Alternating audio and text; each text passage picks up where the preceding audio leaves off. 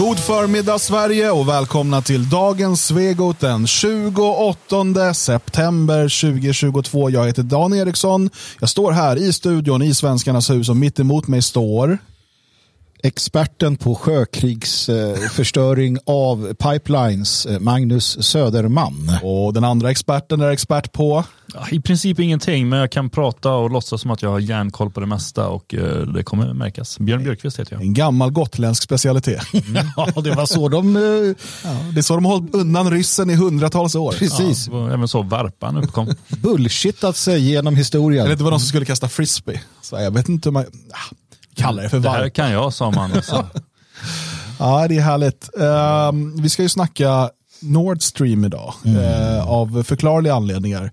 Uh, det sprang läck i Barsebäck, det är en låt med, med Medusa och det är inte det vi ska prata om. Men eh, det har ju skett vad som verkar vara sprängningar utav ja, både Nord Stream 1 och 2. Du får det låta så allvarligt. Det är allvarligt. Det och det ska vi prata om. Uh, vem var det? Vi har svaret. Nej, det har vi inte. Men vi kan spekulera. Om det inte var någon av oss. om, det, just det, om, du är inte, om du inte är gasledningssprängaren, nej om du inte vet vem som är gasledningssprängaren i rummet så är det du som är det. jag vill helst inte uttala mig om. Just, alltså, skuldfrågan tycker jag vi kan lämna därhän. Ja, uh, men vi, vi, vi kommer till det och kanske framförallt konsekvenser av det här uh, och hela det här, vad ska man säga, kriget om sanningen som pågår. Mm. Med, eh, vi hade de här folkomröstningarna nu i, i östra Ukraina, vi hade och vi har liksom alla spekulationer och beskyllningar nu efter sprängningen av Nord Stream. Eh, ett ganska upptrissat läge, ett, ett oroligt läge kan man väl säga. Mm. Eh, så det, det ska vi eh, prata mer om idag. Jag tänkte att vi ska hinna med lite annat först. Och först vill jag bara påminna om, eh, du som är medlem i Det Fria Sverige, eller blir det nu så här på mangen. Du kan anmäla dig fortfarande till, eh, till Förfädernas minne som har sista lördagen i oktober här i Svenskarnas hus. Eh, middag och ceremoni och umgänge och, massor av trevligt i denna nyinstiftade tradition sedan några år tillbaka. Och platserna går åt rätt fort. Det är ju vi håller de här evenemangen ganska små. Eh, det är inte de här 200-300 personers evenemangen som sommarfesten och sådär. Utan vi försöker hålla dem mindre så att platserna går åt rätt fort. Så att har du inte gjort det, in på friasvenskar.se och boka dina platser. Eh, och så vill jag tacka alla er. Igår smällde det ju till med en massa nya stödprenumeranter. Eh, och det är vi väldigt glada för. Det är stödprenumeranter som gör det här möjligt och dessutom får möjlighet att lyssna på alla program i sin helhet efter, i efterhand. Mm. Så att är du inte stödprenumerant och vill bli det, gå in på svegot.se support. Sen igår tittade jag på Henrik Nybloms nya standup special. Har ni sett den? Nej, den har jag inte. Stå upp för ja, det, Jo, det har jag visst. Varför står jag och säger att jag inte har gjort det? Klart jag har. Men, och jag ska inte prata så mycket om den, ja. Eh, för det är helt fel forum för det tror jag. Ja. ja. Vi är ju i Skaraborg, han är ju härifrån. Ja. Alltså man ska inte underskatta behovet av glädje. Jag vill bara ta det här, innan du berättar så ska jag bara berätta. Att under digerdöden, ja. när människor dog, det var ju som corona fast på riktigt då människor ramlade ihop och dog, så fanns det ett, ett gäng människor som var så här, äh, skitsamma. Alltså vi, vi super och äter och ligger och har det bra för att jorden håller på att gå under. Skitsamma. De skrattade och hade kul. Va? Ja. Och man ska inte underskatta behovet av detta nu när tredje världskriget står och knackar på dörren. Och jag känner lite grann att vi, framförallt jag, den, den glada, lättsamma människa jag ändå är, bör leda denna, denna liksom denna glädje vi behöver nu. Just det, så därför har Magnus startat en ny podd som heter Skratta med Magnus. Precis. Det är 50 minuter skrattyoga. Ja. 06.30 varje vardagsmorgon. Det är kul som fan. är det. Ska vi komma ihåg, vill jag bara sagt att alla de som Magnus berättade om är döda idag. Ja. Just det. Så kan det gå. Mm. Eh, nej, men vi ska inte prata om det, utan det är en, en sak han nämnde där som jag aldrig hade talas om. Då kanske Björn har hört det här, eftersom att du, om du kommer ihåg det från den här eh, men jag vill jag kolla med Magnus. Tråkig, så ja, halv, halv han är ju inte så rolig. Jag tycker inte han är så rolig som, han är inte så bra på att skriva skämt. Nej. Han är ju flamsig och stojig och kan göra lite roliga låtar. Det hade varit liksom. jättejobbigt att ha honom i sin klass. Liksom. Ja, ja. Jo. Men det var några roliga låtar och han är ju han är ju stojig liksom, men skit i det. Det var en sak han nämnde som jag tyckte var oerhört kul, som jag aldrig hört talas om tidigare. Som, men tydligen visste många om det här redan. Okej, okay. jag blir glad varje jag hör det här. Jag vet inte vad Magnus, ja. känner du till koreanerna som skulle på smekmånad i Venedig? Nej. Och hamna fel? Nej. Och hamna i Vännäs i Norrland? nej, nej, nej. Jo. nej. I, i Vännäs. Nej. De skulle till Venice. Venice. De hamnade i Venice. Är det de sant? i Vännäs. Nej, de kom... Det här är 1993. Det är det bästa jag har hört och det är inte ens klart ännu. och, alltså det, här, och det, det, det finns alltså, jag har hittat tidningsurklipp från 93 om det här. Eh, de har tänkt att koreanerna ska på smekmånad. Ja. De bara, vi har hört vill, vill ha hört att eh, Venice, eller hur de nu pratar, det är väldigt, väldigt fint så här års. så, vi söker, eller vi, vi går in då till resekontoret här i Pyongyang, ja. eller var, nej det är Nordkorea, va? det var inte de. Nej, det var, so, so, soil, soil, Seoul. soil. Uh, vi ska till Vännäs. okay. De det var konstigt. Vännäs. Ja, hur fick de upp ät där? Vännäs? Ja, jag vet inte det. riktigt hur det, men det var smekmånad. Och sen när de väl var där och insåg att det här var fel, de tyckte det var väldigt mycket snö också. Alltså paret var, eh, eh, de är koreaner men de är från Dallas, då ska, det kan tilläggas.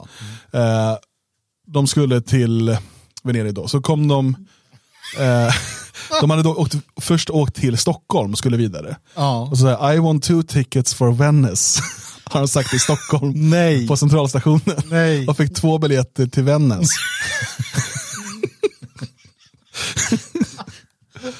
Eh, så här står det i Svenska Dagbladet då. Men biljettkassören var inte så slängd i språk.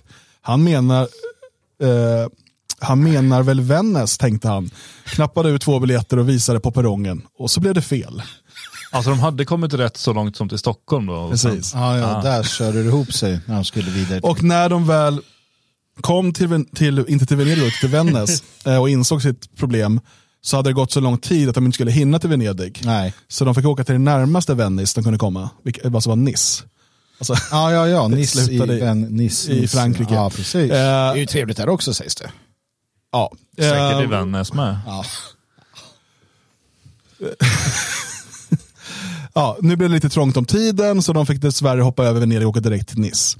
Men de gillade den 140 mil långa extra turen genom Sverige. Ja. Aldrig har vi sett så mycket snö, sade de förundrade. Och kanske kommer de tillbaka till Sverige redan nästa år för att se midnattssolen. Och äktenskapet, åh nej, det var unga glada människor som tog allt med ett leende, förklarar vittnet Karin, Karin Åman. Ja men ändå rätt schysst att hamna i Vännäs. Och bara, nej, men, men hur alltså, gick de ut och berättade om det? Kontaktade de mer? De kontaktade de folk i Vännäs och sa, uh, sorry this uh, Peter Square, where is the Do you have very good pizza here or what? Jag vet inte exakt. När, när fattade de det tro? Tänkte de att de gick av så stod det Vännäs och de bara ja. yes it could be. Jag, jag, jag vet inte. Jag ska försöka få tag i de här, det är ju ändå 30 år sedan nu. Uh, uh. Men de kan ju säkert få... Undrar de är gifta fortfarande? Vi hoppas det, kul för dem. Eller om de, ja, jag vet inte, koreaner hur de gör. Sägs kan ju ha flyttat till Vännäs. Det sägs ju här i chatten att det fanns ett tjejgäng som skulle till Kos och hamna i Kosovo. Det är ju också jävligt jobbigt, speciellt om var under 90-talet. 90-talet. så här, alltså hallå, nu åker vi till Kos, brudarna! Så var ut och bara boom. En massa kosovo, kosovaner som sa, ja, brudar. Nej, jobbigt för dem. Jag säger det, man ska stanna hemma. Ja. För i helvete gott folk, stanna Men hörni, hemma. när vi då ändå snackar om komiker och sådär. Martin Soneby, uh, han är arg. Varför är han så arg för uh, Björn? Ja, det är en komplicerad historia. Man skulle kunna tänka att han är arg för att han har begått brott. Eller misstänks för brott. Ja, just det. Han är misstänkt för um, ofredande och skadegörelse. Ja, han har attackerat en cykel. Ja, med en kvinna och hundar på. Ja. Och som sa något rasistiskt. Cykeln ja. Han hävdar mm. att kvinnan sa något rasistiskt och då att, gick han till attack. Och demolerade cykeln som han själv säger. Ja. Eh, så som man gör om man är en lättkränkt invandrare. Mm. Han är inte invandrare. Är han inte? Han är född här. Ja, ja. men hans, uh, han är en genetisk invandrare. men han är väl någon form av... Genetisk invandrare? Ja, men han är inte någon slags iranier eller något? Nej, han, han är, är någon typ av sydamerikan och blandad av massa saker. Ja, ja. Invandrare. Han är som en fruktsallad. I mina ögon en invandrare. De slutar aldrig vandra. Eh, så han blev arg där. Och eh, det, det hade kunnat sluta sådär lyckligt men dessvärre så blev han ju anmäld då för sitt eh, våldsbeteende. Som inte alls är genetiskt betingat får man väl säga då. Utan Nej. Det är bara något som är. Eh, och det resulterade ju i en förundersökning som väl är pågående nu va? Precis. Eh, och på något sätt så har ju Expressen kommit över det här. Att det pågår en förundersökning. Och det gör ju Martin Sonneby extra arg. Ja, det är egentligen det som gör honom arg. Eller ja, det rasistiska utfallet från början gjorde honom så arg så han demolerade en cykel. Men, men sen så har han blivit arg på, på Expressen, eller polisen, eller båda. Han svingar vilt just nu på Twitter. Han svingar åt alla Det är håll. allas fel utom hans eget. Han, han, han är ju oskulden själv. Ja. Hur kan det här drabba honom? Nej, han är förbannad. Han, han, Expressen kontaktade honom för att han skulle få möjlighet att kommentera det som har hänt. Och möjligtvis hade ju även det kunnat ge honom en anonymitet om de hade diskuterat lite snyggt. Men han la ju ut det öppet istället med journalistens telefonnummer och allting på sin Twitter. Bara för att han tyckte att han fick till ett dräpande svar om att uh, uh, kärringen var rasist eller någonting. Men det är det han vet någonstans också. Han vet ju att han i, i stora delar kommer undan bland sina likar. De tycker det är skitcoolt att han demolerar kärringens cykel. Det var ju en rassekärring. Och, och liksom, Ja, precis. Han, han skrev, det var någon kärring som skrek rasistiska saker till mig så jag fuckade upp hennes cykel. ja. Och jag menar, han har ju bara gjort som, som Miljöpartiets ledare Han är alltså typ man ska 45 göra. år och skriver så här. Typ. Ja. Det är hans kommentar till pressen. Ja, och och ja, men det finns ju jättemånga av hans liksom, likar som säger ah, det är bra, fan vad cool du är. Mm. Jävla bra, fuck up, rassekärringens cykel, den, brorsan och så vidare. Så att han förstärker ju bara sitt varumärke i de kretsarna. Han skiter väl i resten. Han bryr sig väl inte om om en massa rassar blir upprörda. Eh, han är ju en, en ovanligt fräck och ganska så här eh, usel människa tycker jag. Eh, generellt sett. Och han har den här, en är kring sig som får en att vilja slå honom i ansiktet när man ser bilder på honom och sådär. Verkar Och sen börjar han fundera på vad, vad, hur kommer det sig att de vet om det här då? För att det är, åtal är ju inte väckt om jag förstår det hela rätt där. Och då är det ju inte en offentlig handling. Nej. Ska man då säga till Sonebys försvar?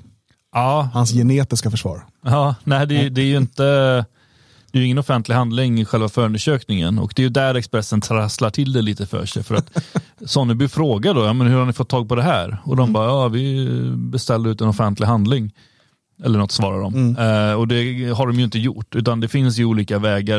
Det mest sannolika är väl att eh, de känner en polis som jobbar där inne. Det läcker ju som ett såll inifrån polishuset. Eh, samtidigt har ju journalisterna, eh, vad heter det? De har- Källskydd. Precis, de är ju skyddade bakom det, källskyddet. Så att de har ju ingen skyldighet att berätta. Så att redan där klantar de ju till det när de börjar krångla till det för sig. Bara, ah, vi har gjort så här. Bara, Nej, ni har inte gjort så och ni har inte heller. En annan variant är ju att det är Sonneby som har gått runt och tuffat sig och berättat för massa kompisar. I och med att han umgås med journalister också. Och bara, ja ah, det vet jag, slå sönder en cykel, haha, coolt. Och sen så har det Problemet är ju att Expressen, eller problem, men alltså de ljuger ju.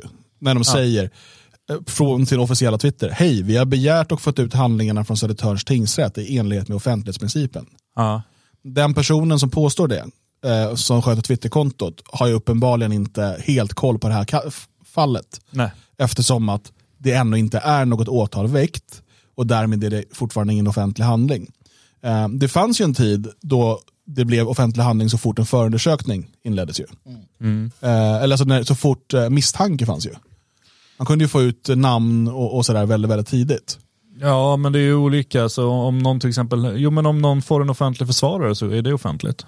Då, då blir den biten offentlig. Om någon häktas blir det offentligt. Det finns ju mängder av olika steg man kan gå och hämta ut grejer och det är möjligt att det finns något sånt steg där som de har kunnat hämta ut uppgifter på. Det är ju inte omöjligt, men, men det vanliga är ju att polisen läcker. Jag, menar, jag har ju varit på rättegångar när det varit eh, säkerhetspolisen på plats och även Expo har varit på plats. Och Expo liksom rusar fram och kramar om Säpo-agenten för då är de sådana superbundisar. Eh, och naturligtvis finns det mängder av poliser som läcker information antingen för att de känner sig speciella som, som eh, får svara på frågor och kan saker eller för att de tjänar pengar på det.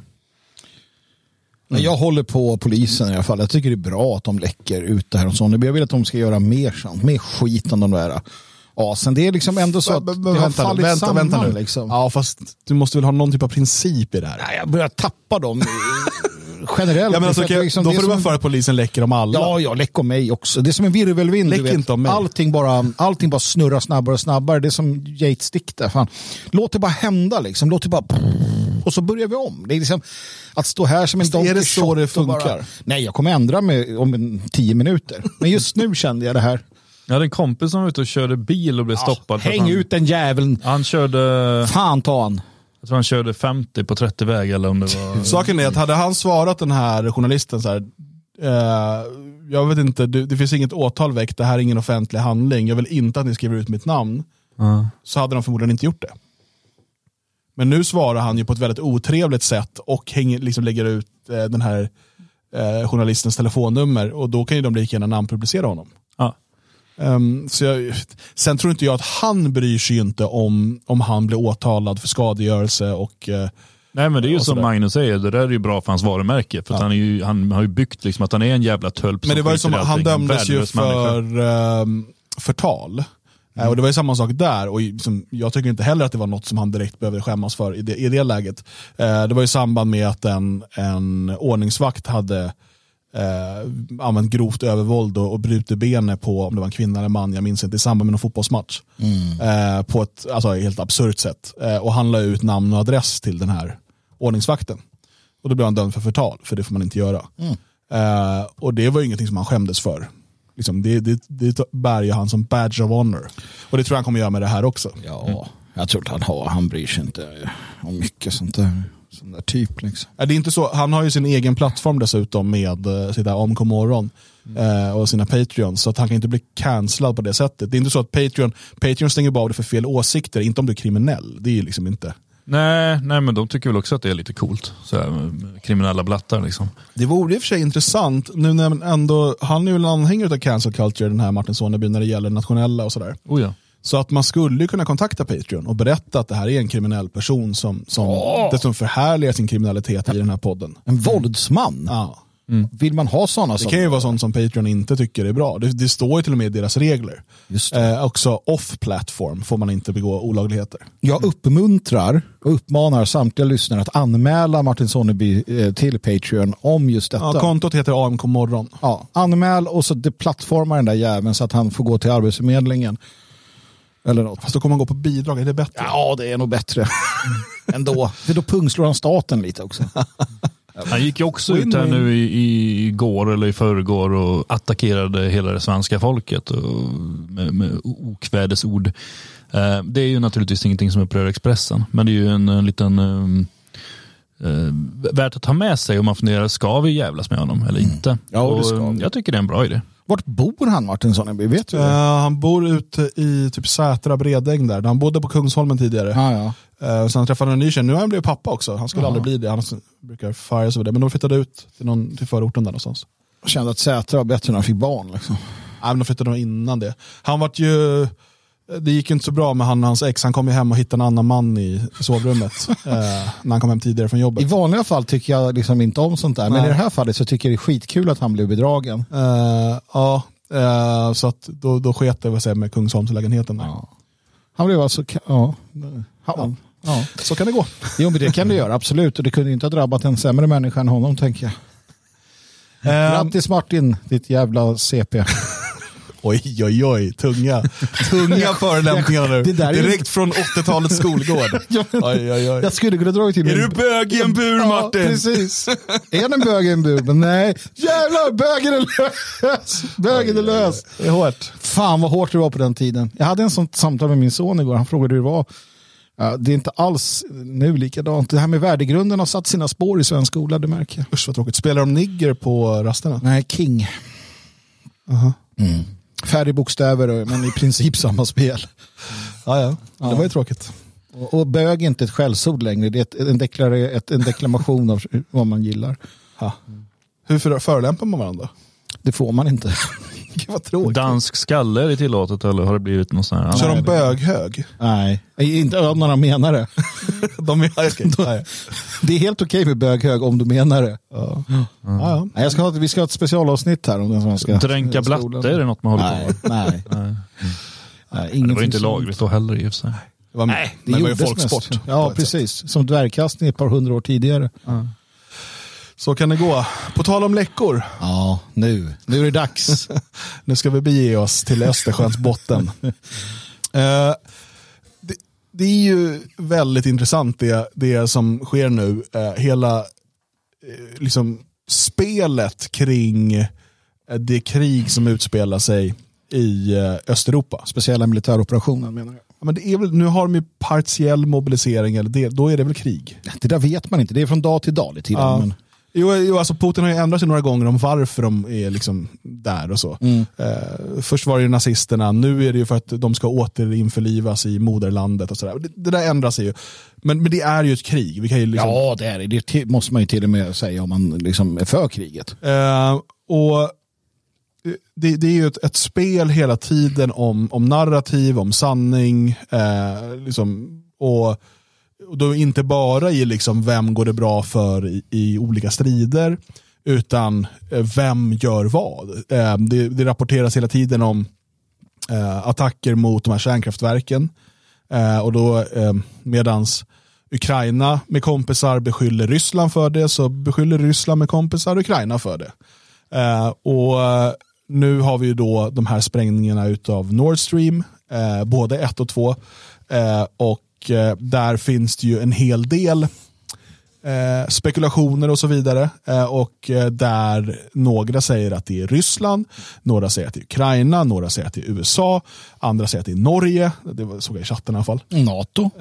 Ja, fast det är USA. Ja, men det kan vara frikopplat också. Ja. Om man vill. Eh, Warszawapakten. Och, och, jag menar, och det, det, här, det var därför vi döper programmet också till kriget om sanningen. Mm. Eh, och, och, sen har vi ju inte minst de här då, eh, folkomröstningarna som hölls nu i, i de mm. ockuperade områdena i östra Ukraina under gårdagen. Eh, även det är ju ett krig om sanningen. Alltså sanningen om eh, vad vill de människor som bor i de här områdena. Mm. Eh, så, att, så det finns ju flera sådana här fronter där det här kriget om sanningen eh, pågår. Men om vi börjar i eh, Östersjön, börjar mm. eh, Nord Stream. Mm. Eh, vad, eh, vad är era spekulationer? Jag ska gå och hämta en sak. Ja, eh, jag, jag, jag, tycker väl egentligen att det finns skäl att peka ut de flesta. Ja. och det är det som gör det hela lite där intressant. Va? Det, det, det kan vara naturligtvis NATO, Sverige, USA för att någonstans sätta ner foten och se till att nej, nu blir det ingen mer jävla gashelvete. Men var det så här under, under typ andra världskriget? Ja, det var mycket att det var, skit innan också. Ja, alltså att, det på, att det gick, begicks massa dåd som ingen visste vem det var. Ja men det där uppfann... Det är jättekonstigt. Ja, jo, nej, men det har ju hänt. Alltså, det uppfanns ju, eller jag inte visste, men så här, det uppfanns ju bland annat av Churchill under boerkriget. Då mm. man, ehm, den här gruvpropagandan och då man, då man började med att, antingen då låtsas som att det hade hänt vissa saker för att uh, hetsa mot varandra. Men också, uh, men också då, uh, begå dåd eller liknande uh, krigshandlingar. Så det finns ju historiskt sett att, att, man, att man gör det för att få ett, ett eller annat håll. Men sen har vi en annan struktur idag. Det är ju inte på samma sätt som det var då, vilket gör att det finns ju massa om man tänker sig som en sån här Wagnergruppen, en liksom paramilitärstyrka som, kan, som har kapacitet. Du har Blackwater som är liksom utomstatligt, som har enorma förmågor att genomföra avancerade operationer. Du har den nya Mozart-styrkan, eller vad fan de hette, som jänkarna sätter ihop. Eh, du har, eh, du har ju väldigt avancerade eh, förband som står och kan användas av olika grupper. Så att jag menar nog att det är mycket svårare idag att veta. Förr i världen så var det typ en, en nation i allt väsentligt, eller en terrorgrupp. Så att, och sen är det ju så här att vem tjänar på det? Ja, det, i det här fallet så är det så här, ja. Vem som tjänar på det beror ju på vem som vinner kriget om sanningen. Precis, det, det är ju gärna där vi hamnar. För det, det blir ju lite så att, eh, okej, okay, skulle, skulle Ryssland kunna ha något intresse eh, utav att göra det här? Ja, framförallt om man kan skylla det på någon annan. Absolut. Eh, och, och liksom på det sättet en, en typ av false flag. Mm. Eh, det kan också vara ett sätt att eh, komma ur för att på Nord Stream 1, där flyter det fortfarande gas så att säga. Mm. Eh, Medan det inte gör det i Nord Stream 2, den Nej. är inte igångdragen. Eh, ett sätt att komma ur de här leveranserna. Samtidigt så är det ju en viktig del av Rysslands infrastruktur och intäkter mm. att kunna leverera gas. Så det, det, kan ju verka då att skjuta sig själv i foten om Ryssland skulle genomföra det här. Ja, dessutom är det ett påtrycksmedel mot Europa. Liksom att, ja. ja men vi, vi har det här, vi kan till och med sänka priset om ni nu vill ta emot och, och på så sätt få tvinga Tyskland att, att vara lite vänligare mot Ryssland. Mm. Uh, ja. Precis, och, och för att det enda som jag skulle kunna se, om man nu skulle säga att det, att det är Ryssland, för det säger ju till exempel då Ann Linde, ja, mycket tyder på Putin, bla bla bla. Och henne har vi kunnat lita på tidigare. Så att... Oh ja, där har vi ju en. um, det skulle ju vara någon typ av 4D-schack, alltså en typ av false flag. Men uh, för att annars ser jag inte vad Ryssland vad skulle Ryssland ha för intresse av att spränga sin egen gasledning? Men problemet blir att vi tror att vi vet eh, hur hur Ryssland, eller USA för den delen, hur de resonerar. För att vi, vi tittar då på Ukraina, vi tittar på kriget, vi tittar på Europa och sen tittar vi på gasledningen och så tänker vi okej. Okay, så. Det kan ju vara så att det finns eh, enorma bekymmer inom till exempel den ryska statsapparaten. Där hela, hela saken har blivit en, ett sätt för Putin eller eh, någon, eh, någon som eh, på någon annan sida där att eh, agera för att man inte är helt nöjd med vare sig eller vad det nu kan vara i, i Ryssland. Det har ju hänt under historien också. Eh, om man tittar på Ryssland och tittar på Sovjet. Det var ju inte så att det var liksom en allmän uppslutning kring någon av de här ledarna som har varit och att eh, när de började tappa makt eller det fanns missnöje då hände det väldigt mycket underliga saker. Um, och, och, enskilda generaler, eh, amiraler har enorm makt inom den ryska armén. Uh, så det kan ju lika gärna vara sånt. Vi får för oss att det måste ha att göra med liksom att, att de ska på något sätt utpressa och att det finns en plan. Saken är ju den att den där planen, jag vet inte, man hade nog en plan när man gick in i Ukraina. Uh, enligt somliga som, som inte kan göra annat än att hoppas på att Ryssland ska liksom segra så var ju planen, först var den att ta Kiev Sen när det inte gick så var planen inte längre och har aldrig varit att ta Kiev. Efter Cherson-offensiven så var ju planen inte längre det heller utan planen har anpassats hela tiden. Eller så är det så att det klappade ihop. Eh, Putin blev felinformerad, vilket man har sagt i rysk tv. De har ju sagt att militära generaler har ljugit för Vladimir Putin och, och låtsats om att ryska armén är bättre än vad den är. Och nu måste man kalla in, eh, eh kalla in människor som man absolut inte skulle göra för det var aldrig något krig utan det var en speciell. Man kan ju inte ändra narrativet för varje gång det går ett helvete och så att nu är det så här och nu är det så här. Eh, det kan ju bara vara så att det är panik. Det är nu kör vi. Vad fan, vi måste bara köra på. Jag vet inte vad som händer. Det kan mm. vara så också. va? Så att allt behöver inte vara strategiskt planerat och, och liksom kallt och han sitter i, någon sitter någonstans. Och så. Det kan bara vara att oj, nu kör på för fan, skjut, spräng. ja, jo, så kan det vara. Eh, om man tittar på vilka som har Eh, ekonomiska intressen. Vi får inte glömma bort, eh, och det är lätt att göra det, kriget i, i Syrien med omnejd. Mm. Eh, som ju eh, till stora delar också handlade om gasledningar. Eh, där man då ville dra de här från Qatar, va? Mm. Eh, USA och andra då hade stora ekonomiska intressen av att dra gasledningar upp till Europa på ett, för att på så sätt eh, kringskära Ryssland. och Ryssland hade stora ekonomiska intressen då av att stoppa det här. Mm. Ehm, det här pratades ju inte jättemycket om i, i liksom medierna när man försökte förklara kriget. Det var ju bara så här, rebeller och islamister ja, ja, och nej. ryssar. Och man får, alltså, läser man mainstream media får man knappt någon koll liksom, på, på det där. Men, men att det fanns den typen av intressen från båda sidor är ju, är ju otvivelaktigt. Eh, USA eh, och andra NATO-länder, eh, inklusive Polen inte minst, har ju varit motståndare till, till eh, Nord Stream. Ja. Eh, och eh, dessutom så är ju nu den här Baltic Pipe mer eller mindre färdig mm. och redo att dra igång som levererar då gas från Nordsjön direkt till Polen. Mm. Um, så att, eh, och man har ju velat stoppa Nord Stream 2 mm. eh, och, och, sagt att det, det, är ett farligt sätt. Tyskland gör sig beroende av rysk gas och sådär. Mm. Eh, så att återigen, om vi, om vi lämnar idén om en, en false flag från Ryssland, mm. om vi lämnar den åt sidan, eh, så är ju det mest rimliga enligt, och jag brukar försöka använda mig av Ockhams rakning i det sånt här, mm. att det är eh, ett sätt eh, för västmakter, vilka är svårt att säga i det här läget, eller om det liksom är gemensamt eller om det är någon enskild stat eller eh, någon grupp inom en stat. Eh, någon säkerhetstjänst eller liknande. Mm. Eh, ett sätt att eh, eh, ännu mer sätta käppar i hjulet för rysk gasexport till Europa. Mm. Eh, man ska inte tro att bara för, för det, vi blir lätt så här invaggade i att men vi är demokratier, mm. liberala demokratier, västvärlden, upplysta, yttrandefrihet och alla människors lika värde, bla bla bla bla bla.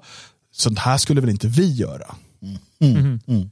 Mm. Det, så naiv får man inte vara. Nej, det får man inte. Eh, och, och som sagt, jag har inga bevis på vem det här är. Det är ingen, ingen som vi vet som har det, ingen officiellt i alla fall. Mm. Eh, utan jag, när jag använder mig av Ockhams drakkniv så är det rimligare att tro att det är i intressesfären som vill ha bort Nord Stream. Att det är någon där. Det kan vara svenska socialdemokraterna. De var ju väldigt emot att den skulle byggas. Ja, eh, kanske är Ann Linde som var nere själv. Ja. Hon såg lite blöt ut i håret när hon kom till presskonferensen. Gjorde det va? Ja. Eh, nej, nej, men, men... Alltså, jag tycker att det verkar rimligare ja. än att det är Ryssland. Om det inte då är så här att Ryssland du vet, så här, fan, det, kriget går inte som vi har hoppats, nu bara du vet, brända jordens taktik. Mm. Ja, alltså, jag håller inte det för omöjligt. Jag håller inte något av det här för omöjligt. Men, men eh, jag, eh, jag, tycker att det, är rim, alltså det verkar rimligare att tro att det finns i Nord Stream-motståndarnas intresse att göra detta. Ja, jag eh, är väl inne på att det borde vara USA. Det, de har en historia av mycket sådana jävelskap. De har definitivt kunnandet och möjligheterna och fräckheterna. Så alltså de, de, de saknar inget av de ingredienser som behövs. Eh, och definitivt ett skäl. Eh, så, så, att um, Ja, jag tror, men sen är ju frågan om det, vi någonsin kommer få veta. Liksom. Så det, det, vi kan ju spekulera i vad som helst. Så, eh, det är inte särskilt troligt att någon någonsin kommer träda fram och säga att det var vi som löste det här. Nej, och det är det som lite grann gör det så, så ja. förutom att det finns ett visst underhållningsvärde i att prata om det och, och fundera, det är spännande och, och lite äggande och sådär, så, Eh, så finns det egentligen ingen mening med det för att eh, vi, vi kommer inte fram till någonting och, och, det vi ser nu är ju som vanligt va? att de som är sympatiskt inställda till Ryssland de fortsätter att vara det och använder detta för sin sak. De som är sympatiskt inställda till eh, någon annan sida i konflikten kan vara Ukraina, kan vara NATO, kan vara gasbolaget i, i Tyskland. De använder det för sina skäl. Så att det är så det används. Liksom. Och, och, ingen kommer vinna i, i, den, i, striden om den sanningen. För som du säger, vi kommer inte få, få veta någonting om det här till sist det, en sak som jag tycker är intressant är att det här återigen eh, visar för oss hur sårbar mm. vår infrastruktur är. Eh, och för att det, det, är en del då experter som har uttalat sig så här, som säger att i stort sett kan en hobbydykare mm. ta sig ner dit eh, och placera en sprängladdning. Mm. Um, det, det, är så pass grund, 55 meters djup eller så där. Jag kan ingenting om dykning och så, men det är så som man har uttalat sig kring det här. Mm. Eh, och vi vet ju också att i, i haven så går ju inte bara gasledningar utan mm. vi har till exempel internetkablar oh ja. ja. eh, och liksom massa sådana här avgörande infrastruktur. Mm. Um, och, och, att vi inte har bättre koll på dem när det pågår ett krig. Eh, så. Där kommer ju den här lilla pikanta detaljen då med eh, de amerikanska skeppen kring Bornholm. Mm precis där det här sker. Mm. Och om vi då säger att det inte är amerikanerna eller amerikanernas allierade, mm. då är det ju pinsamt för dem ändå. Mm. Att det här har kunnat ske under näsan på dem så att säga. Mm. Eh, ja, om, fast det är ju ändå, menar, ja. de, de kan ju ha placerat det här i, i princip när det byggdes. Det kan, ha varit, Precis. Eh, det kan ha varit olika länder och intressen. Det kan ju krylla av sprängladdningar längs hela, hela röret. Liksom, ja, för att uh, olika makter vill försäkra sig om att uh, här ska vi kunna stoppa om vi behöver. Mm. Uh, finns det inte något klipp med, med, USAs president när han står och hotar med att uh, blir det... Uh... Ja, han säger att om, om Ryssland går in i Ukraina eller anfaller Ukraina så kommer vi stoppa Nord Stream 2. Och då frågar de typ så här, hur? Han bara, vi kommer se till att det stoppas. Mm. och hans försvarare då, de säger, ja men han menar sanktioner. Han mm. menar sanktioner. Uh, men så pillemarisk som han ser ut, mm. så jag, jag läser in i hans döda ögon att liksom, vi kan göra vad som helst. Den där ska jag tycker det. Och ja, men, med USAs historia så varför inte? Men återigen blir det just det här att äh, vill vi det så kan vi läsa in det. Vill vi inte Precis. det så kan vi inte. Samma med, med de här fartygen, två stycken som låg och guppade där. Äh, det tar ju både för och emot. för att återigen, man kan ju använda argumentet, ja men hur, man har alltså två stora jävla stridsfartyg där med eh, all ny teknik. Uh, och så väljer man att spränga skiten. Ja, alltså du kan göra det för att säga att ja, men titta, det var ju inte vi. Vi skulle ju aldrig parkera våra fartyg här när vi spränger själva. Mm. Eller, ja, de gjorde det under näsan på oss. Det var lite pinsamt. Eh, så det, det, säger ju egentligen bara, återigen, gillar du, är du för den ena sidan så kommer du använda det argumentet. Är du för den andra kommer du använda det argumentet. Eh, det mest rimliga är att de svenska superubåtarna som är tysta och redan har bedragit, eh, eller lyckats då krossa den amerikanska flottan i, i övningar. Vi sänkte ju deras hankarfartyg och liknande. Det är ju vi som har glidit dit och skjutit sönder skiten. Mm. Tacka vet jag Näcken, jag tycker en fin båt. men, men Precis, och det är därför jag tycker att, som vi skriver i titeln här, kriget om sanningen. Ja. För det är nästan det som blir det intressanta här. In, eftersom att vi kan inte veta vem det är som har, vem eller vilka som har begått de här sprängningarna. Eh, däremot så det som blir så tydligt det är ju då att, att eh, till exempel Ann Linde, då, om vi tar i Sveriges fall, hon går ut direkt och säger eh, ja, det är mycket som tyder på att det är Putin. Mm. Nu vet vi inte vad hon har för underrättelser och så vidare, mm. men för mig är det ett tydligt inlägg i kriget om sanningen. Mm. Det gäller nu att etablera en sanning om man, Putin är fienden och därmed så ska man då eh, liksom peka ut det här. Mm. Eh, och Samtidigt så ser vi eh, hur människor som är, vad ska man säga då, 100% pro-Ryssland mm. eh, spinner på i alla, det här Joe Biden-klippet och så vidare. Eh, saker som absolut är kan ses som indicier, mm. men som såklart inte bevisar någonting. Ingen av oss har ju de bevisen. Utan Nej. vi kan säga, precis som jag säger då, att det, det, är rimligt, alltså det är troligt att det kan vara så här. Mm. Jag vet inte, det kan också vara så här. Mm. Eh, och Det här är ju typiskt för oss här på, på Dagens Svegot och våra tidigare poddprojekt. Vi försöker ju alltid liksom, å ena sidan och andra sidan. Och så blir folk jättearga för att så här, ni måste säga exakt hur det är. Mm. Ja, vi vet ju inte. Men mm. det finns ju de här sakerna på ena sidan och de här på den andra sidan. Men det vi ska vara uppmärksamma på nu, det är ju hur världsledare eh, och statschefer och så vidare, hur de talar om det här och vad man kommer motivera med det. Alltså, eh, anledningen till att så många tycker att till exempel det är någonting som inte stämmer eh, med World Trade Center, 11 september och så mm. vidare. Mm. Det är ju framförallt för vilka konsekvenser det fick. Mm. Patriot Act, eh, invasionen av Irak och Afghanistan och så vidare. Och så tittar man på det, hade det varit så här eh, att bara, nej, nu blir det landsorg och sen nu får vi återuppbygga vårt land. Mm. Då hade folk varit så här, men, då hade inte det fött samma liksom, misstankar. Mm. Utan, nej, nej. Men om det här används på något sätt eh, politiskt, vilket det förmodligen kommer göras. Oh ja kanske från båda håll. Mm. Och då blir man ännu mer oklar på vad det är som har skett. Men, men det är det här kriget om sanningen, det är, den vi ska hålla ögonen, det är det vi ska hålla ögonen på nu. Alltså det är ju rätt skönt också nu för uh, Zelensky tror jag är lite sur, uh, såklart, över detta. Uh, Putin han är rätt. Men varför skulle Zelensky vara sur? Alltså, Ukraina eh, vill inte heller ha Nord Stream. De vill ju att alltså, gasen ska gå via... Nej, men vi pratar ju inte om Ukraina, vi pratar ju om Östersjön och Nord Stream. Vi kommer ju fortsätta prata om det här. Skif fokus har ju skiftat från Ah, du menar så? Okay. Fokus har skiftat från massmobiliseringen i, i Ryssland där man, där man griper människor och slänger in dem. Fokus har skiftat från, från Ukrainas behov av militär utrustning. Om alla tittar på det här och fortsätter göra det flera veckor då glömmer vi ju bort att det pågår ett krig där vi skulle hjälpa Ukraina. Ja, Utan... samtidigt kan det också bli större ilska så att vi verkligen hjälper Ukraina med massa vapen och kanske till och med soldater för att slå tillbaka ryssen som har sprängt sina ledningar. Ja, det får vi ju se. Mm. Och det är det vi får se. Så att där har du gärna ett argument för att här är det intressant om vi kan leda bort då från ryskt håll till exempel. Du har haft, eh, han har utropat då, eh, det, numera så är de här, under fredagen säger man, så blir de här eh, republikerna då, de blir rysk. Det blir ryska, ja det blir Ryssland. Du har massmobiliseringen som pågår. Eh, då är det ju rätt skönt om det nu skulle vara så att alla andra börjar titta på vad som händer utanför Sverige, Danmark, vi har en NATO-ansökan som pågår och så vidare.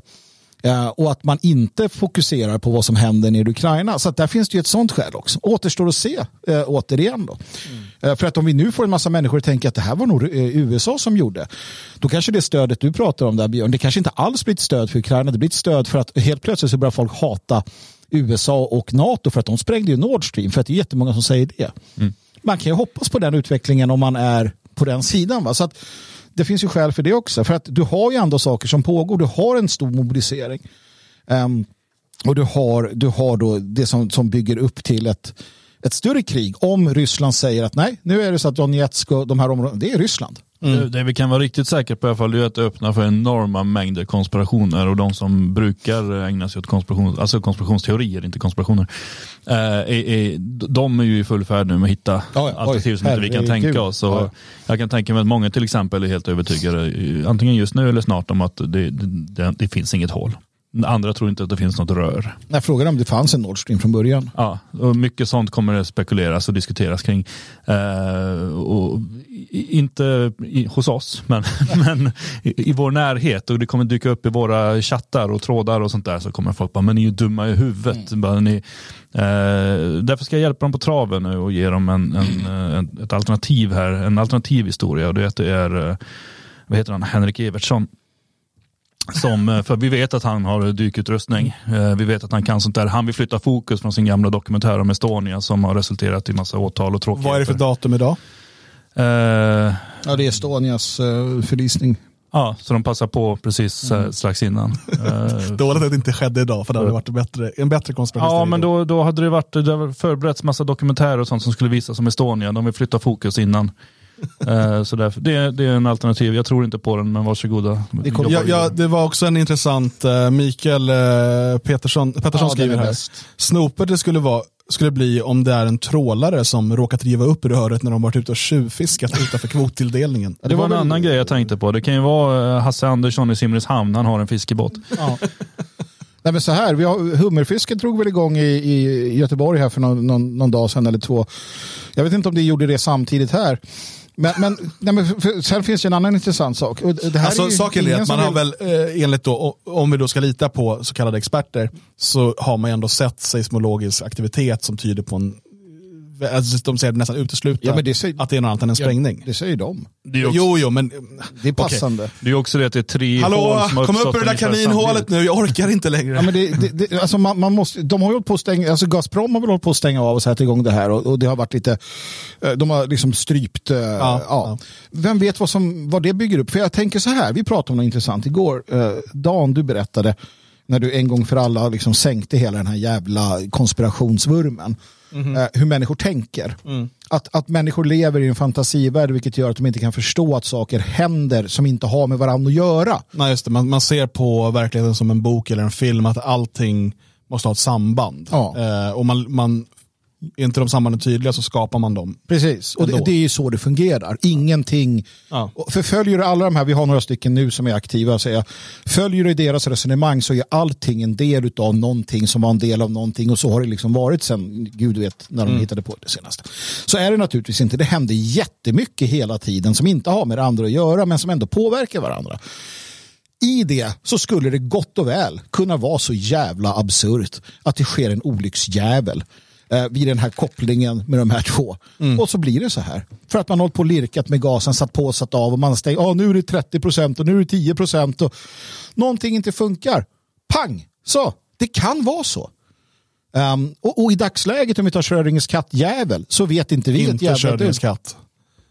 För det är en helt annan... Mm, vi, just du menar Ockhams rakkniv? För, för, för oss, nej men för oss i detta nu så kan det vara Ryssland, USA, det kan vara en olycka. Jag vet ingenting, men den, jag och alla i chatten, med den information vi har så vet vi inte ett skit om det här. Katten är död, katten är levande, katten ja, är dratt så, därifrån. Okay. Mm.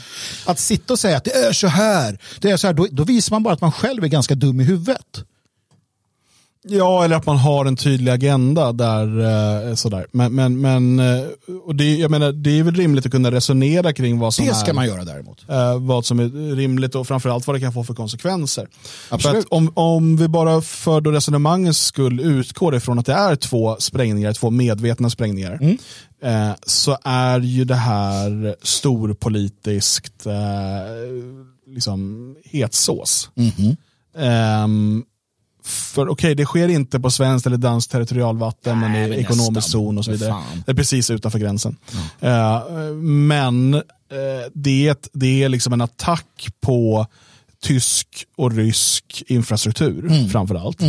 Eh, vi ser också den här, den här underliga tweeten från den här liberalkonservativa polacken, tidigare utrikesministern, som skriver på sin Twitter, han lägger upp en bild då på hur det bubblar då från, från den här läckan eh, och skriver eh, “Thank you USA”. Mm. Eh, och det här, alltså som sagt, det här är inte vilken liten polack som helst. Det är inte din liksom, normala cigarettsmugglare från, eh, från Krakow. Han är det också faktiskt. kan mycket väl vara det. Eh, det. Det är till och med en överhängande chans att det är så.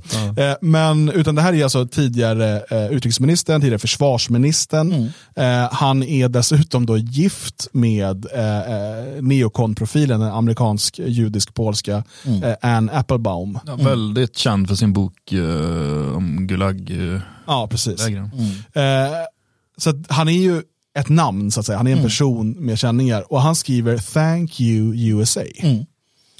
Och, och det gjorde han för att han, hade, han vet ju att det är USA och han avslöjar det nu på sin Twitter. Nej, det är inte det. Nej, men det är det som blir så nej, intressant. Nej, men det kan- det är ju- intressant att han Ja. skriver det. Jag menar, det, återigen, om vem som helst skriver det, som skiter i konsekvenser. Men det här är ju en person, alltså varför skriver han det? Mm. Är, har han så dålig impulskontroll? Ja, men varför tweetade Trump som han gjorde? Varför har vi såna jävla gökar i regeringen? Han är en gammal politiker. Det bevisar Han heter att han är... Radek Sikorski ska Ja. jag säga bara. Så, Men titta, titta på våra ministrar. Som vi, vi har ägnat program åt att förklara hur, hur faktiskt man ska inte tro för mycket om ministrar. Nej. Man ska, det här är ju en vanlig, en vanlig människa. Lite sämre än många. Ja, just det. Lite sämre än många andra för att han har liksom gjort det här. Ja. Han vaknar upp och bara oh, thank you USA. Fast just då, för att då, då blir det som att nej, men nu måste vi då se honom som att han är något speciellt. Nej, det är han inte. Det är som liksom någon annan jävla dönick bland alla parlament. Liksom. Ehm, så kan man se det. Man kan också se det som att han råkade försäga sig. Man kan se det som att han är en del av en plan där hans roll är att twittra så här för att och så vidare. Återigen, det går liksom inte att ta på det på det sättet. Alltså. Det blir svårt. Men det är klart att man, man Jo, funderar. och men man kan säga då, varför eh, skulle han säga tack? Det kan man ju undra. Ja. Återigen, då ska man bara komma ihåg det att Polen har ju varit emot Nord Stream-byggandet. Ja. Eh, av egentligen förklarliga anledningar. Mm. Eh, eftersom man inte eh, speciellt stora vänner av Ryssland och Mm. inte har varit sedan man ja, under massa hundra år har, har ockuperat och mördat av ryssarna. Eh, men, och, och framförallt då senast under, under kommunistperioden. Men eh, och, och, och nu öppnar den här Baltic Pipe eh, och eh, så att man, man vill ju ha bort Nord Stream såklart. Eh, men att man så flagrant går ut och skriver det. Jag tycker att det, det, det är ju, ja det är kanske en, det är verkligen den polske Morgan Johansson helt enkelt. Ja, alltså jag vet inte. Trump hotade i Nordkorea med kärnvapenkrig på Twitter. Alltså, återigen, eh, det, det, det kan vara ett uttryck, det kan vara ett, ett eh, uttryck för Gud vet vad alltså. Ehm, så att, eh, nej, jag, jag, Alltså, jag, jag, säger- jag jag tycker fortfarande den mest rimliga förklaringen är USA slash västmakterna slash någon eh, organisation inom dessa. Eh, det, det är den mest logiska förklaringen. Eh, men, och där, men jag kan inte bevisa det. Det kan vara Ryssland, det kan vara Israel, det kan vara Kina. Ja, jag vet fan, men teoretiskt sett. Eh, men som sagt, Har vad... någon sett Morgan Johansson? Han är ju liten också. Det är Ja. lätt att... Och han åker ner i en sån där en gammal dykarklocka. Ja, visst. Det vore häftigt. En liten för barn.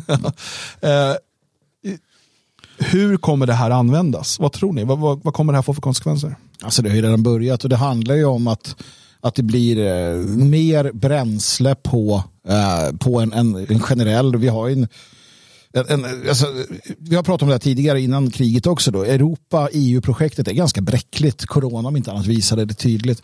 Uh, om, det, om det kan uppdagas att, låt oss säga att Polen är inblandade i att spränga uh, tysk och rysk infrastruktur, mm. där har vi enorma problem på uppsegling. Mm. Um, om, om det på något sätt kan, kan visas att NATO är inblandade, Sverige vill gå med i NATO, då, ju, då, då, kan du vända opinioner och så vidare. Vips så tjänar ju Ryssland på det naturligtvis. Um, precis, som att, uh, precis som att Ryssland missade det här med att alla ville gå med i NATO när man började krig i Ukraina. Mm. Så det kan ju slå fel oavsett vem det är som har gjort det också. Jag tror att det kommer att användas liksom Ja, alltså från väst används det som ett argument mot, mot Ryssland och från Ryssland så används det som ett argument mot väst eh, helt enkelt för att, för att då splittra upp i Europa. För Ryssland skulle ju tjäna på om Europa eh, hamnar i luven på varandra.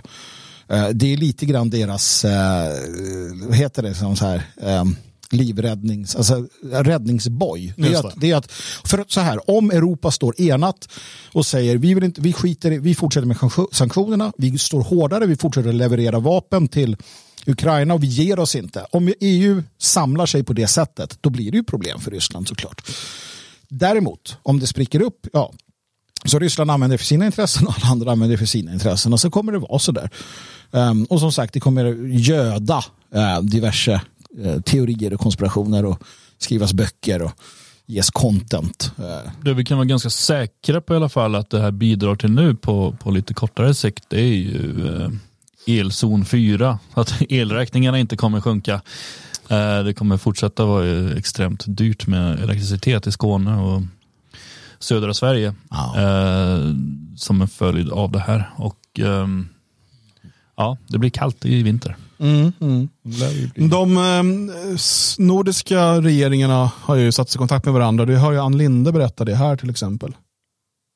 Uh, ska vi se. Du måste lyssna nu Magnus, ta inte av dig hörlurarna. Om jag får det att funka. Jag var tvungen att starta om, det var något som var så hörlurarna. En ända sedan i morse haft kontakt med min danska utrikesministerkollega Jeppe Kofot. Omgå heter han Jeppe Kofot? Jag ja, tror att deras minister heter Jeppe Kofot. Ja, men det gör han. Det finns några ja. kofodar i.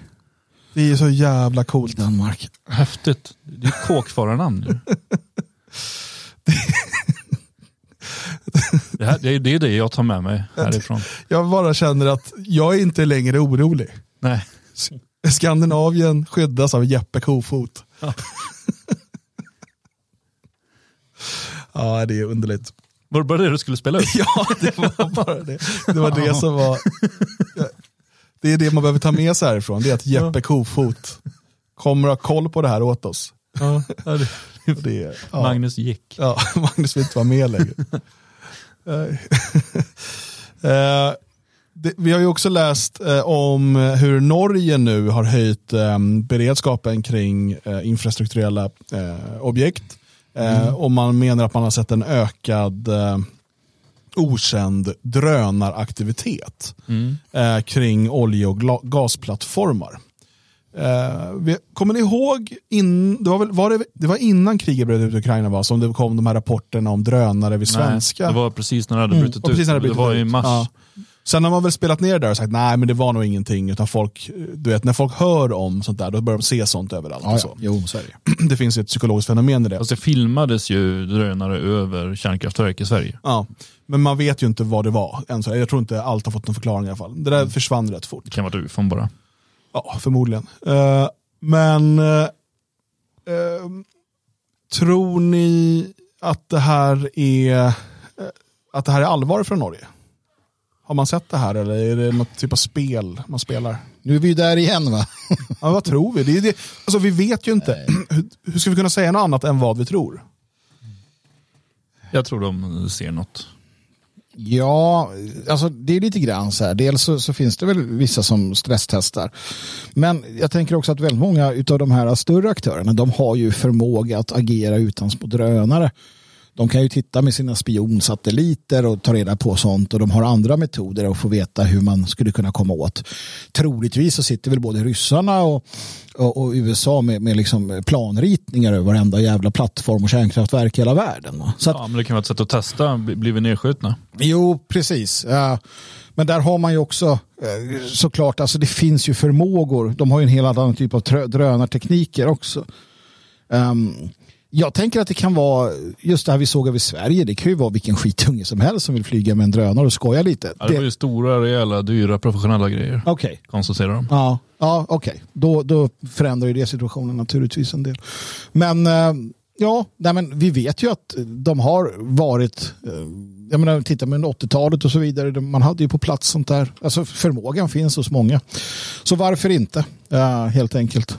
Uppenbarligen blir de inte nedskjutna heller utan det verkar ju vara fritt blås. Saken är den att det, eh, det starkaste vapnet Ryssland har mot de länder som nu har drivit på sanktionerna och som skickar vapen till Ukraina och så vidare, eh, alltså i stort sett alla västländer, det är ju energikriget. Alltså de har ju strypegasen, oljan och man har på grund av sanktionerna så har man inte heller kunnat eh, exportera eh, vete och annat. och sådär. Mm. Och Sen eh, lyckades man ju blockera exporten från Ukraina under lång tid. Nu har väl den kommit igång lite grann. Mm.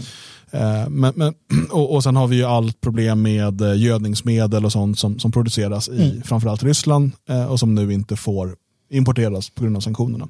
Men man har ju framförallt de här energisakerna. Och det är ju här då, då, då, skulle det kunna ligga då i Rysslands intresse såklart att, att slå ut andra infrastrukturbyggen eh, och, och, energiresurser i de länder man vill eh, ska lida energibrist under vintern. Mm, absolut. För, som sagt, vi var inne på det här. Rysslands stora hopp när det gäller eh, västmakterna är ju att de börjar bråka internt. Mm. Eh, och den risken blir betydligt högre när befolkningarna är hungriga, kalla eh, och så vidare. Eh, att, de, att man, det blir så pass stort tryck eh, att de börjar vackla i det här med sanktioner och så vidare. Mm. Eh, så att, att eh, det skulle kunna finnas ett intresse av att åtminstone undersöka möjligheten att slå ut andra ehm, eh, andra depåer av olja och gas känns ju inte helt orimligt. Nej, ja, det är bara betydligt värre. Ja, alltså att, att skulle du då ge dig på ett norskt eh, gas, eh, någon gasturbin eller någon, någon, någon, plattform, då angriper du ett NATO-land. Ja, och då blir det ju jävligt. Jag tror inte man kommer göra det, eh, men kanske att man, det kan finnas ett intresse av att eh, du vet, som att man bullar upp sig och visar att vi kan. Absolut, absolut. Sen finns det ju andra aspekter där. Vi, vi ska komma ihåg, det finns ju en, en man, man vet inte tusen vad. Nu, nu, om det är sådana här stora rejäla drönare som kostar åtskilliga miljoner, liksom som Predator klassen. Liksom. Det är väl en, då, då, är det lite, då är det ju nationer vi pratar om, eller galna James Bond-skurkar. Men mindre aktioner skulle ju kunna genomföras av miljöterrorister. Um, vi ska inte förglömma att det finns andra aktörer i samhället.